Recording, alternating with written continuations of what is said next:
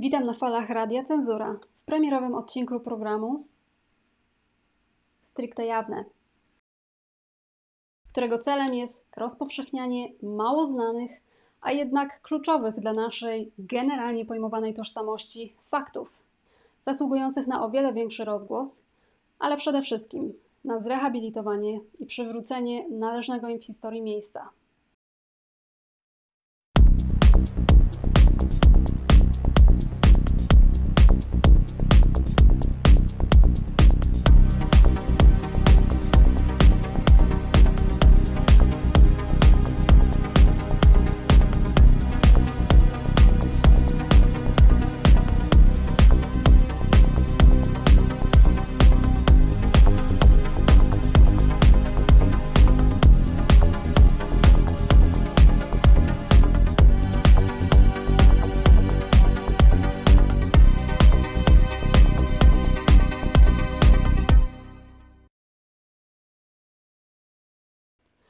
Przed mikrofonem i kamerą, jeśli oglądacie nas na platformie wideo, Aga Kubica.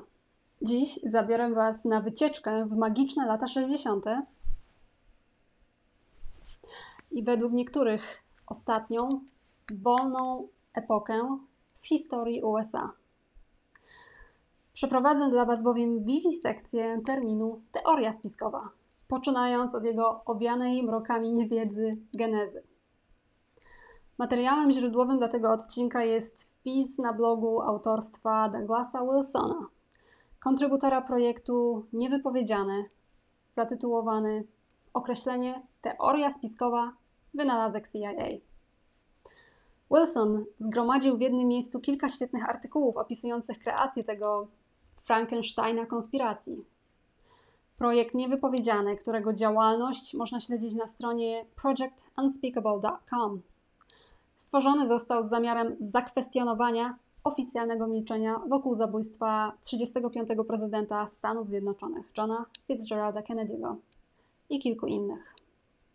To nie przypadek, ponieważ najwyraźniej to właśnie zabójstwo Kennedy'ego stało się przyczynkiem do ukucia terminu teoria spiskowa, a mechanizm, który go upowszechnił, okazał się być w wielu przypadkach nie tylko niezwykle skuteczną matrycą dla kampanii oszczerstw, ale i śmiercionośnym narzędziem uciszania tych, którzy odważyli się dociekać prawdy we własnym zakresie.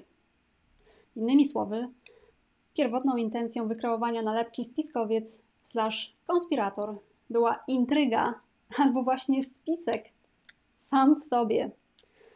Spisek mający na celu ukrycie prawdy przed tymi, którzy posiadali niezbywalne prawo do poznania faktycznej wersji wydarzeń z dnia zabójstwa Kennedy'ego i którzy byli, i według amerykańskiej konstytucji wciąż są jedynymi zwierzchnikami urzędników państwowych, czyli przed amerykańskim społeczeństwem, a w konsekwencji przed resztą świata.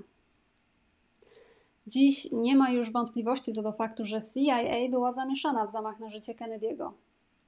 Ironicznie wskazują na to odtajnione dokumenty innej trzyliterowej agencji FBI. Ciałem rządowym, które przeprowadziło oficjalne śledztwo w sprawie śmierci JFK i którego konkluzje były przez lata jedyną niekwestionowaną wersją wydarzeń z dnia 22 listopada 1963 roku, była tak zwana Komisja Warrena. Jak doszło do powstania tej komisji? Czy była ona faktycznie kompletnie niezależna i jakie były jej konkluzje? Oto jak opisuje ją Wikipedia.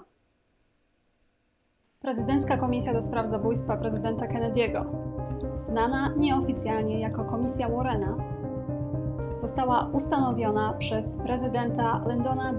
Johnsona, który, tak przy okazji, pełniąc funkcję wiceprezydenta w administracji Kennedy'ego, był jego zdefiniowanym prawnie sukcesorem. Na mocy dekretu wykonawczego 11130 w dniu 29 listopada 1963 roku, zaledwie 7 dni po zamachu, Kongres USA uchwalił wspólną rezolucję Senatu nr 137, upoważniającą powołaną przez prezydenta komisję do złożenia raportu w sprawie zabójstwa JFK'a, nakazującą obecność i zeznania świadków oraz przedstawienie dowodów. Raport końcowy został przedstawiony prezydentowi Johnsonowi 24 września 1964 roku i upubliczniony trzy dni później Stwierdzono w nim, że prezydent Kennedy został zamordowany przez Lee Harveya Oswalda i że Oswald działał zupełnie sam. Stwierdzono również, że Jack Ruby działał sam, zabijając Oswalda dwa dni później. Ustalenia komisji okazały się kontrowersyjne i zostały zarówno zakwestionowane, jak i poparte późniejszymi badaniami. Komisja wzięła swoją nieoficjalną nazwę Komisja Warrena od swojego przewodniczącego, prezesa Sądu Najwyższego, Earla Warrena.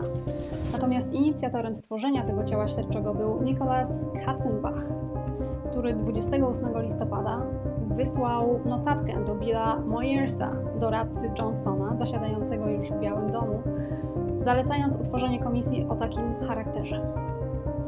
Aby zwalczyć spekulacje na temat spisku, Katzenbach zdecydował, że wyniki śledztwa FBI powinny zostać upublicznione. To on był autorem zdania, cytat, Społeczeństwo musi być usatysfakcjonowane informacją, że to Oswald był zabójcą, że nie miał wspólników, którzy wciąż są na wolności. A zatem, jak widzimy, komisja ta została powołana w konkretnym celu, ale nie było nim dociekanie prawdy na temat przyczyn śmierci JFK. Było nim przeciwdziałanie powstawaniu niezależnych inicjatyw w celu poznania faktów towarzyszących śmierci prezydenta i zamknięcie ust wszystkim tym, którzy ośmieliliby się rozpowszechniać wersję inną niż oficjalna, przez napiętnowanie ich jako niezrównoważonych psychicznie i potencjalnie zagrażających bezpieczeństwu państwowemu wichrzycieli. Dalej dowiadujemy się z Wikipedii, że dyrektor CIA McCone był współwinny aktu łagodnego tuszowania popełnionego przez Centralną Agencję Wywiadowczą, ukrywając informacji przed komisją Warrena, jak wynika z raportu głównego historyka CIA, Davida Robarge, opublikowanego w 2014 roku, włączając w to oświadczenie, że, cytat, CIA mogła również ukryć dowody na swoje kontakty z Oswaldem przed 1963 rokiem. Naturalnie sceptycyzm co do ustaleń komisji był obecny od samego początku, nawet wśród jej własnych członków, a z bardziej prominentnych osób jej ustalenia zakwestionował oczywiście brat samego zamordowanego, czyli Robert F. Kennedy, który zaledwie kilka lat później sam padł ofiarą podobnego spisku. Ciekawa jest również wzmianka na temat trzech innych, również oficjalnych, rządowych ciał, które, jak podaje dalej Wikipedia, cytat, Zgodziły się z konkluzją komisji Warrena, że dwa strzały uderzyły JFK od tyłu. Panel z 1968 roku ustanowiony przez prokuratora generalnego Ramseya Clarka. Komisja, uwaga, uwaga, Rockefellera z 1975 roku. No teraz to już chyba nie mamy żadnych wątpliwości co do charakteru tego szanownego zgromadzenia. I wreszcie Komisja do Spraw Zabójstw z lat 1978-79 wyznaczona przez Izbę Parlamentu, czyli po angielsku HSCA, która ponownie zbadała dowody za pomocą największego panelu kryminalistycznego. HSCA brała udział w przesłuchaniach w kongresie i ostatecznie doszła do wniosku, że Oswald zamordował Kennedy'ego prawdopodobnie w wyniku spisku. No jakoś nie mogę się oprzeć wrażeniu, że po prostu niektóre spiski są lepsze od innych. HSCA doszła do wniosku, że Oswald oddał strzały numer 1, 2 i 4, a nieznany zabójca oddał strzał numer 3, ale chybił. Z bliskiego rogu płotu, który znajdował się powyżej i po prawej stronie z przodu prezydenta Kennedy'ego, na trawiastym pagórku o nazwie Philly Plaza. Jednak ten wniosek również został skrytykowany, zwłaszcza ze względu na zarzut oparcia się na kwestionowanych dowodach akustycznych. Raport końcowy HSCA z 1979 roku zgadzał się już z wnioskami raportu Warrena z 1964 roku, że to dwie, a nie cztery, jak skonkludowano poprzednio, kule spowodowały wszystkie obrażenia prezydenta Kennedy'ego oraz gubernatora Connolly i że obie kule zostały wystrzelone przez Oswalda z szóstego piętra Texas School Book Depository, czyli magazynu z książkami będącego własnością teksańskiej szkoły.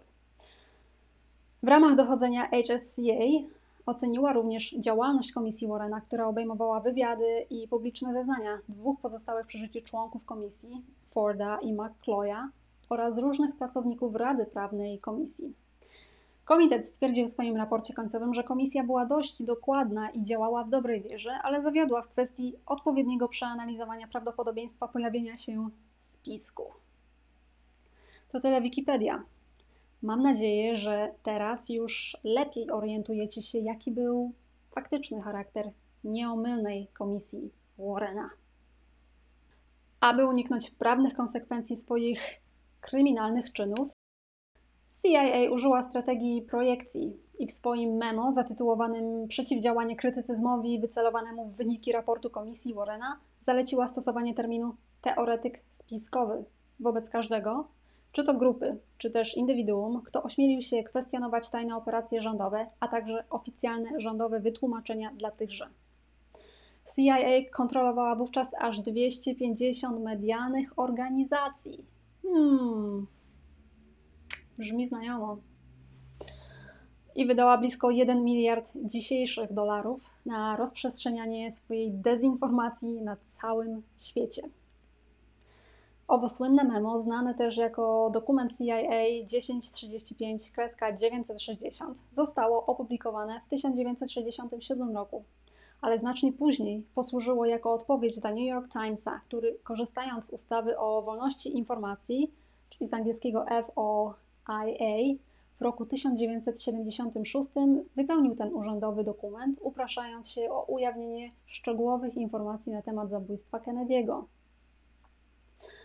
Informacje, na podstawie których komisja Warrena orzekła swoje konkluzje w sprawie zabójstwa prezydenta, były w głównej mierze dostarczone jej przez CIA właśnie. Nic dziwnego zatem, że dokument 1035-960 ujawnia, jak bardzo zatroskane jest CIA o swoją reputację i tym samym reputację całego amerykańskiego rządu. Do tego stopnia, że memorandum określa szczegółową serię działań i technik przeciwdziałania i dyskredytowania twierdzeń teoretyków spiskowych, aby zahamować obieg takich twierdzeń w innych krajach. Na przykład priorytetem powinno być zbliżanie się do przyjaznych kontaktów elitarnych, zwłaszcza polityków i redaktorów, aby przypomnieć im o uczciwości i solidności komisji Warrena. Hmm. Oskarżenia krytyków są bezpodstawne, czytamy w dokumencie, a dalsza spekulacja sprawi, że skorzysta na tym wyłącznie komunistyczna opozycja. Agencja poleciła również swoim członkom, cytat, wykorzystywanie środków propagandowych do negowania i odpierania ataków krytyków. Szczególnie odpowiednim ku temu narzędziem są recenzje książek i felietony. Koniec cytatu. Dokument 1035-960 dalej nakreśla konkretne techniki przeciwdziałania konspiracyjnym argumentom, skupiającym się na ustaleniach komisji Warrena. Takie reakcje i ich powiązanie z pejoratywną etykietą są do dziś rutynowo przedstawiane pod różnymi postaciami przez korporacyjne media, komentatorów i przywódców politycznych przeciwko tym, którzy domagają się prawdy i odpowiedzialności za doniosłe wydarzenia publiczne. Przykłady takich odpowiedzi to nie pojawiły się żadne istotne nowe dowody, których komisja Warrena nie wzięła pod uwagę. Spisek na tak dużą skalę, jak się często sugeruje, byłby niemożliwy do ukrycia w Stanach Zjednoczonych. Krytyków często kusi forma intelektualnej dumy i zakochują się oni w swojej teorii. Oswald nie byłby rozsądnym wyborem na współspiskowca, Muszę tutaj nieco brutalnie przerwać ten natchniony tok myślowy CIA i sprostować, że Oswald byłby świetnym wyborem na spiskowca. Ponieważ jako domniemana ofiara innej rządowej operacji znanej pod kryptonimem MK Ultra, nie był nawet w pełni świadomy tego, co się z nim działo i dlaczego zrobił to, co zrobił. Ale również dlatego, że był kompletnie zbywalny dla CIA, które w każdej chwili mogło użyć kolejnego golema i które ostatecznie zastrzeliło Oswalda, prowadzonego przez policję na zeznania. A o MK Ultra powiemy sobie więcej w następnych odcinkach. Dalej, niejasne oskarżenia w stylu ponad 10 osób zmarło w tajemniczy sposób podczas trwania dochodzenia komisji Warrena. Zawsze można wyjaśnić w jakiś naturalny sposób. Na przykład osoby, których to dotyczy w większości, zmarły z przyczyn naturalnych. Bullshit.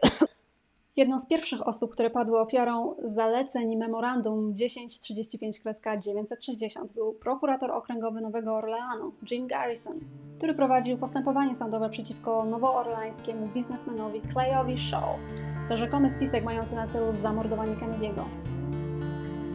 Shaw, łącznik OSS, czyli Biura Usług Strategicznych, z wysokimi rangą brytyjskimi urzędnikami podczas II wojny światowej, założył duży regionalny targ handlowy w Nowym Orleanie wkrótce po wojnie. Garrison twierdził, że Shaw spotkał się z prawicowymi przeciwnikami JFK, aby zaplanować jego śmierć. Wyjaśnijmy tu od razu, że Biuro Usług Strategicznych było agencją wywiadowczą Stanów Zjednoczonych w czasie II wojny światowej i poprzednikiem Biura Wywiadu i Badań Departamentu Stanu oraz niezależnej Centralnej Agencji Wywiadowczej, czyli CIA właśnie. BAM! A więc Shaw, osoba, którą Garrison oskarża o współudział w spisku na życie Kennedy'ego, była pracownikiem organizacji, która stała się, pozwólcie, że powtórzę to jeszcze raz, prekursorem CIA. W ten sposób CIA została automatycznie kolejnym ze współspiskowców w zamachu. Kapisz? Oczywiście w tym czasie uwikłanie w istocie najważniejszego aktora w zamach na Kennedy'ego, czyli George'a H.W. Busha, późniejszego prezydenta USA, nie było jeszcze przedmiotem dociekań, ponieważ w momencie zabójstwa JFK'a Bush nie piastował publicznego stanowiska, a jedynie tajne stanowisko jako dyrektor CIA i na oficjalny urząd dostał się dopiero dwa lata później. Ale co ważniejsze, dokumenty FBI wzmiankujące o informacjach w sprawie potencjalnego zamachowca czekającego na życie Kennedy'ego, dostarczonych przez niejakiego George'a Busha, niezależnego biznesmena z Teksasu, nie zostały ujawnione aż do lat 70. XX wieku, czyli około dekady po zamachu. To dlatego te najwcześniejsze kontrowersje i procesy sądowe pomijają kluczowego sprawcę jednej z najohydniejszych egzekucji XX wieku. Według Andrew Craiga protokoły ze spotkania CIA, pochodzące również z 1967 roku, wskazywały na obawy, że prokurator Garrison uzyska wyrok skazujący. Ale ława przysięgłych natychmiast uniewinniła oskarżonego Shawa po kilkunastu śmierciach, w tym samobójstwie, potencjalnych świadków i intensywnej kampanii oszczerstw przeciwko oskarżającemu go Garrisonowi, rozpętanej przez krajowe media. NBC News zatrudniło byłego wysokiego rangą urzędnika Departamentu Sprawiedliwości Waltera Sheridana, który był wczesnym rekrutem do wówczas supertajnej Narodowej Agencji Bezpieczeństwa, czyli NSA, w latach 50. Publicznie reporter, śledczy. Sheridan był również zaangażowany w działania operacyjne mające na celu osłabienie Garrisona. Dalsza historia tej rozprawy i samego Garrisona potoczyła się właśnie owym niefortunnym torem bezwzględnych oszczerstw i nikczemnych ataków. I tutaj nieuchronnie natykamy się na operację Mockingbird, która była tajnym programem CIA i którego celem było tworzenie artykułów do najbardziej prestiżowych krajowych serwisów informacyjnych. Więcej o projekcie Mockingbird w następnych odcinkach. Peter Janney, którego zmarły ojciec, Wister Janney, był wysokiej rangi dyrektorem CIA, ujawnił, Ludzie, którzy chcą udawać, że spiski nie istnieją, podczas gdy w rzeczywistości są one jednymi z najczęstszych modus operandi znaczących zmian historycznych na całym świecie i w naszym kraju, wpadają w furię, gdy kwestionuje się ich naiwną iluzję. Z kolei profesor James F. Tracy wskazuje, że perspektywa bycia przedmiotem oszczerstwa i posądzenia o bycie teoretykiem spiskowym pozostaje potężną bronią do zastraszania autorów, dziennikarzy i naukowców przed dogłębnym badaniem złożonych wydarzeń, polityki i innych potencjalnie kontrowersyjnych tematów. I dalej, że podstawowym elementem współczesnych kampanii propagandowych wykorzystujących etykietę teoria spiskowa slash teoretyk spiskowy jest sugerowanie, że nieufność obywateli wobec imperatywów i działań rządowych prowadzi do aktów przemocy. Termin teoretyk spiskowy jest celowo mylony z terminem spiskowiec, zlepiając w ten sposób oba w masowym, kolektywnym umyśle, pomimo faktu, że w rzeczywistości to zazwyczaj zachodnie rządy korzystające ze swojej policji lub wojska są głównymi dostarczycielami przemocy i gruźb przemocy, zarówno w kraju, jak i za granicą. Od siebie dodałabym jedynie sprostowanie, że owa wzmianka o policji czy wojsku naturalnie odnosi się do wojskowego kompleksu przemysłowego i skorumpowanej, brudnej policji, które, jak powszechnie wiadomo, są zbrojnymi ramionami głębokiego państwa na każdym kontynencie, a nie do samych idei posiadania służb mundurowych, których głównym zadaniem jasno wyłożonym np. w amerykańskiej konstytucji jest ochrona obywateli i szczególnie w przypadku wojska ochrona obywateli przed tyranicznym rządem. Tracy pisze dalej. W funkcjonującej opinii publicznej uczciwi naukowcy i dziennikarze bez przeszkód zagłębialiby się w te i podobne problemy. GMO, sponsorowany przez państwo terroryzm, niebezpieczeństwa promieniowania niejonizującego, niebezpieczeństwa obrażeń poszczepiennych i fluoryzacji wody, czy kwestie 11 września. Zwłaszcza, że takie zjawiska stanowią poważne zagrożenie zarówno dla suwerenności społeczeństwa, jak i samostanowienia. Tacy intelektualiści dostarczyliby wtedy ważnych odkryć, które obudziłyby ożywioną debatę publiczną. Niestety, my wiemy doskonale, że nasze społeczeństwa są po większej części dysfunkcjonalne i dlatego uniemożliwiają nam, zwykłym obywatelom, a także wykwalifikowanym specjalistom, uczciwą egzaminację któregokolwiek z powyższych. Tracy przeprowadza dalej interesujący psycholingwistyczny eksperyment, w którym zmienia frazę teorie spiskowe na wyrażenie niezależne badania i analizy.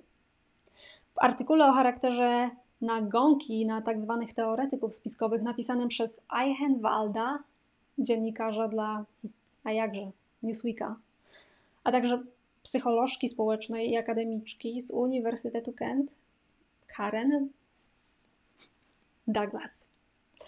Na przykład, badania psychologiczne wykazały, że jedyną cechą, która konsekwentnie wskazuje na prawdopodobieństwo, że ktoś uwierzy w teorie spiskowe, jest to, czy ta osoba wierzy w inne teorie spiskowe. I teraz podmieniamy teorie spiskowe na niezależne badania i analizy. I co otrzymujemy? Badania psychologiczne wykazały, że jedyną cechą, która konsekwentnie wskazuje na prawdopodobieństwo, że ktoś uwierzy w niezależne badania i analizy, jest to, czy ta osoba wierzy w inne niezależne badania i analizy. Kolejny przykład. Jednym z najczęstszych sposobów na przedstawienie teorii spiskowych jest po prostu zadawanie pytań na temat oficjalnej wersji. Naprawdę. I po podmiance mamy jednym z najczęstszych sposobów na przedstawienie niezależnych badań i analiz jest po prostu zadawanie pytań na temat oficjalnej wersji. Czy dostrzegacie teraz oczywistą manipulację? Aż dech zapiera, kiedy sobie uświadomimy poziom bezczelności tych, którzy kontrolują oficjalny narratyw. I jeszcze trochę przykładów.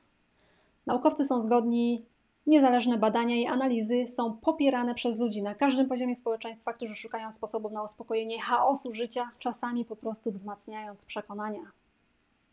Albo jeśli masz sieci społecznościowe ludzi, którzy ze sobą rozmawiają, możesz niezmiernie szybko rozprzestrzenić niezależne badania i analizy. Dosłownie tak, jakby były one zaraźliwe. Co do tego ostatniego punktu, jest to bardziej niż oczywiste. Bez internetu i ciężkiej pracy anonimowych, cyfrowych żołnierzy rozprzestrzeniających informacje zakazane, ale przecież witalne dla ruchu Wielkiego Przebudzenia, czyli The Great Awakening. Nigdy nie udałoby się nam osiągnąć poziomu odwrócenia dziesiątek, a może nawet i setek czy tysięcy lat programowania naszych umysłów przez rządnych kontroli władzy uzurpatorów dysponujących zatrważającą technologią. W ciągu ostatnich czterech lat, czyli z prędkością światła, rzesze ludzi na całym świecie połknęły tak zwaną czerwoną pigułkę, zaaplikowaną globalnie za sprawą niejakiego Q. I nieważne jest w tym momencie, czy tak zwani zredpilowani zdają sobie sprawę z tego, komu zawdzięczają swoje ekspresowe otrzeźwienie, czy też nie. Dla wszystkich skonfundowanych w tym temacie, Q jest, najprościej rzecz ujmując, wojskowym programem dyseminacji informacji, czyli po prostu rozpowszechniania informacji, a jego militarny charakter jest doskonale widoczny w formie, jaką ten program przyjął, czyli w precyzyjnych i zakodowanych postach umieszczonych na anonimowych forach. Wskazując na militarne pochodzenie tej całej operacji, wyjaśniam od razu, że jest to inicjatywa tej części amerykańskiego personelu wojskowego, który zdołał wyłamać się spod jarzma wojskowego kompleksu przemysłowego. I używając taktyki często cytowanego chińskiego, ale starożytnego generała i stratega wojennego Sun Tzu, ograł głębokie państwo w jego własnej grze i to dzięki jego własnemu, czyli deep state'owemu podręcznikowi wojennemu, a więc strategii podstępu, oszustwa i braku jawności. Patrioci używają taktyki swampersów dosłownie i z tego powodu, co niektórzy obawiają się, że obecnie obserwujemy wyłącznie przetasowania na wielkiej szachownicy jednej i tej samej rozgrywki różnych frakcji o dominację nad szarym obywatelem, czyli że następuje zwykła zmiana warty albo po prostu zmiana pokoleniowa w szeregach głębokiego państwa. Na marginesie, taka pesymistyczna perspektywa określana jest z angielskiego słowem black pill albo black pilled co odnosi się do aktu zaaplikowania sobie tak zwanej czarnej pigułki, skutkującej niczym innym jak najzwyklejszym czarnowictwem. W rzeczywistości nie jest jednak tak, jak obawiają się obawiający się. Każdy, kto przez ostatnie circa 3,5 roku miał okazję czytać posty Q oraz śledzić nieformalną komunikację w mediach społecznościowych, a często też i oficjalnych, pochodzącą od tych, którzy faktycznie kontrolują sytuację, czyli od patriotów i Trumpa. Wie, że dowodów na to, że sytuacja uległa drastycznej zmianie, ale tym razem na lepsze, pojawiło się do tej pory mnóstwo. Widzieliśmy dowody na to, że bagiennicy stali się zbyt nieostrożni, zbyt bezczelni, zbytnio oderwani od rzeczywistości, ale przede wszystkim zbyt żenujący. Widzieliśmy, jak patrioci bezpardonowo wykorzystywali każdą okazję, aby ośmieszyć polityczny establishment i jak kurem podpowiadali nam nieustannie enjoy the show, czyli baw się dobrze podczas filmu, ponieważ patriots are in control, czyli to patrioci kontrolują sytuację.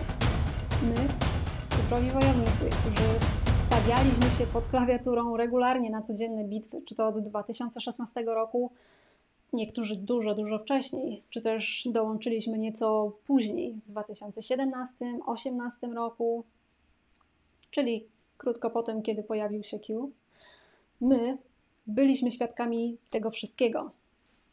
Ale kto nie śledził, ten nie widział i póki co nie zobaczy, ponieważ Twitter ocenzurował większość z nas i wiele z tych cennych postów z dowodami zwyczajnie przepadło. Oczywiście zawsze możemy mieć nadzieję, że cyfrowi fachowcy o hmm, szerokim zasięgu zbakapowali gdzieś te dane na jakiejś ogromnej i wolnej od zasięgu i cenzury swampersów chmurze i że za jakiś czas, tym razem już wszyscy, jak jeden, będziemy mieli okazję je sobie pooglądać. Ale póki co, to tylko teoria. Pomyślcie sami, samozwańczym, psychopatycznym elitom udawało się wdrażać swoje najbardziej chore, obrzydliwe scenariusze dla ludzkości tylko i wyłącznie dlatego, że przyjęli za swoją strategię długoterminowe planowanie. Czasami rozłożone na dziesiątki lat, dawkując nam mikronowe ograniczenia swobód i wolności i z każdym nowym dekretem prosząc jedynie o milimetrowe ustępstwo w imię kolektywnego bezpieczeństwa, na które my dobrodusznie i jakże naiwnie się zgadzaliśmy, rzecz jasna, dla wspólnego dobra. Jednak w ciągu ostatnich kilku lat, a zwłaszcza podczas wdrażania operacji koronawirus, ich wymagania co do nas stały się rażąco nachalne i pozbawione dotychczasowej gracji. Nagle, zamiast zwyczajowego, przymilnego proszenia, postawiono nas brutalnie przed faktem przymusowych lockdownów i nieodzownych szczepionek, z chipowymi paszportami do wolności. A jako swojej milicji użyto rzeziemieszków z Antify i BLM-u, opłacanych przez jednego z głównych sponsorów wielkiej farmy i socjopatycznego naganiacza nazistów, czyli samego Sorosa. Podkreślę to dobitniej i powiem, że ich strategia stała się zwyczajnie zbyt transparentna i szokująco niestrawna dla mas. Przyzwyczajonych do wcześniejszej, dobrodusznie zatroskanej o przyszłość ludzkiego stada postawy polityków i urzędników, a to w konsekwencji umożliwiło wielu trzeźwo myślącym ludziom przejrzenie tej deep state'owej strategii na wskroś i zobaczenie, że dotychczasowi rządzący tak naprawdę nigdy nie mieli na względzie naszego dobra. I to wszystko dzięki dobrodziejstwom internetu, naszej cyfrowej ery. Wracając zaś do wpływu teorii spiskowych na ludzką psychikę i ogólne samopoczucie, badanie opublikowane kilka lat temu w znanym czasopiśmie Frontiers of Psychology sugeruje, że przeciwstawianie alternatywnych teorii spiskowych w stosunku do popieranych przez rząd wyjaśnień dotyczących wydarzeń z 11 września 2001 roku jest oznaką indywiduacji lub psychologicznego dobrostanu i zadowolenia. Kończąc swój wywód, profesor Tracy podsumowuje, że taki stan rzeczy jest wyraźnym zagrożeniem dla tych, którzy chcą sprawować niekwestionowaną władzę polityczną. W istocie zdolność do swobodnego rozpowszechniania i omawiania faktów o nadużyciach rządu jest najważniejszą przeciwwagą dla tyranii. Ponieważ tej zdolności nie można łatwo skonfiskować lub stłumić, należy ją wyśmiewać, marginalizować, a nawet diagnozować jako stan psychiatryczny. Wnioski płynące z przeanalizowania obowiązującego paradygmatu zmowy milczenia wokół ustanowionych przez samozwańczych liderów politycznych tematów tabu oraz zakazu kwestionowania jedynej słusznej, bo oficjalnej narracji wskazują, że podobne usiłowania są wulgarną próbą zamachu na wolność słowa, a szerzej na zasadność naukowego dyskursu i w konsekwencji na możliwość dociekania i poznania prawdy. Nalepka teoria spiskowa jest zaś prostacką, psychologiczną projekcją deep state'owych taktyk na mało rozeznanych w strategiach wojennych przeciętnych zjadaczy chleba. Ale co najbardziej zaskakujące, im większa dociekliwość oraz ufność z zasady stosowania logiki i zdrowego rozsądku w stosunku do każdego fenomenu objawiającego się w naszej rzeczywistości oraz zarówno indywidualnej, jak też kolektywnej świadomości, tym lepszy stan psychiczny jednostki i tym bliżej nam, jako gatunkowi, do otrząśnięcia się z iluzji fałszywej rzeczywistości, którą pojono nas przez stulecia. Kiedy cała prawda wreszcie wyjdzie na jaw, wszyscy, bez wyjątku, doświadczymy szoku. Nie ma co do tego wątpliwości. Jednak patrioci zrobili co w ich mocy, aby ten szok dla wielu z nas zminimalizować, a ich narzędziem stały się właśnie owe zmarginalizowane teorie spiskowe, rozprzestrzeniające się w internecie z impaktem elektromagnetycznego pola Tesli i najwymyślniejszą trajektorią niezidentyfikowanych TikTokowych obiektów latających. Delektujmy się więc najwymyślniejszymi teoriami, jednak bez obsesyjnego przywiązania do nich, bo część z nich to zaiste szkodliwe sajopy, czyli psychologiczne operacje spreparowane przez agentów kontrolowanej opozycji. I to bardzo często podszywających się pod przedstawicieli mniej lub bardziej anonimowego ruchu oscylującego wokół Q. Czy to w Stanach, w Polsce, czy gdziekolwiek indziej na świecie. Niewątpliwie jednak sporo z owych ośmieszonych przez mainstream teorii stanie się dla nas wkrótce miękką podusią, na której będziemy mogli bezpiecznie wylądować po tym, jak zostaniemy gwałtownie zdmuchnięci z różowej chmurki bajeczek oficjalnej narracji. Bez odbioru i do usłyszenia slash zobaczenia.